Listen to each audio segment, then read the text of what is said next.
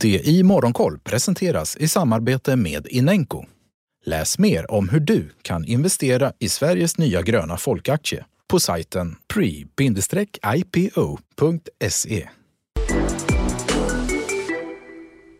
God morgon, välkommen till DI Morgonkoll.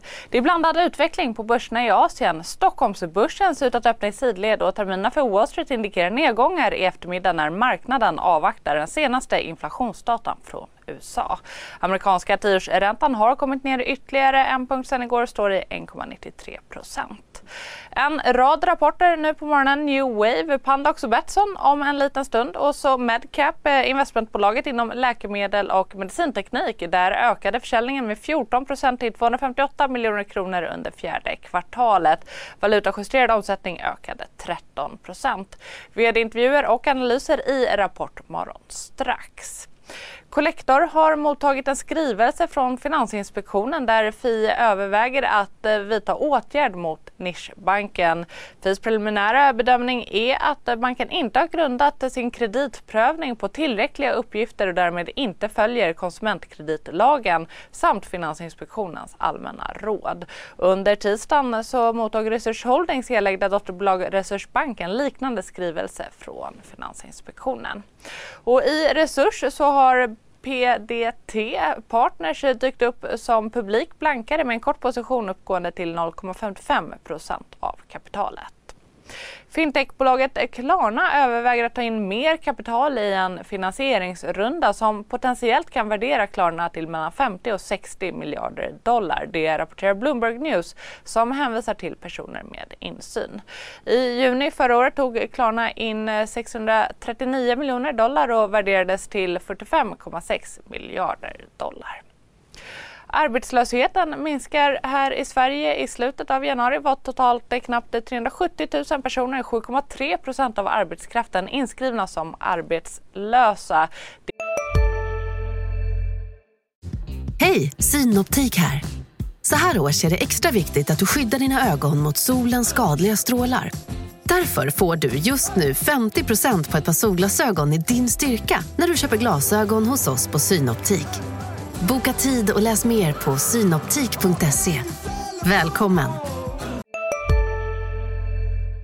Enligt Arbetsförmedlingens månadsstatistik. För ett år sedan var 8,8 procent arbetslösa. Klädhandelns försäljning steg med 11 i januari mätt i löpande priser jämfört med samma månad året innan.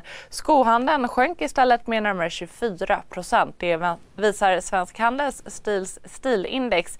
Jämfört med januari 2019 är bilden dyster. Klädhandelns tapp är då 18 skohandelns drygt 45 så till USA där amerikanska Microsoft genomför ett antal förändringar för sin appbutik, bland annat för att öka chanserna till regulatoriska godkännanden av jätteförvärvet av Activision Blizzard. Ändringarna uppges även främja en mer öppen app marknad. Microsoft ska låta alla utvecklare ha tillgång till bolagets appbutik så länge som de når resonliga och transparenta standarder för kvalitet och säkerhet. Wall Street stängde tydligt uppåt för andra dagen i rad igår med en rejäl återhämtning i tekniksektorn. Hårt pressade Spotify och Meta rekylerar uppåt och Walt Disney steg i efterhanden efter sin rapport som kom efter börsstängning. Börserna i Asien denna morgon spretar. Börsen i Shanghai och i Hongkong är ner 0,3% var. Chile, Automobil och Tencent finns bland förlorarna med nedgångar på knappt 1% var. I handelsjätten Alibaba går mot strömmen lyfter närmare 2% Och i Tokyo där stiger börsen med 0,3% Bland vinnarna ser vi fordonsaktier som Nissan och Honda och teknik teknikkonglomeratet Sony. Toyota går mot strömmen faller 3% Softbank finns också bland dagens förlorare med en nedgång på 2 i Indien så har centralbanken som väntat lämnat reporäntan oförändrad på 4 och vid halv tio så får vi räntebesked från Riksbanken här i Sverige. Väntat är oförändrad ränta men hur uppdateras synen på framtiden, inflationen och stödköpen? Det följer vi såklart upp i dagens sändningar. Först ut bland dem Rapport morgon alldeles strax. Trevlig dag!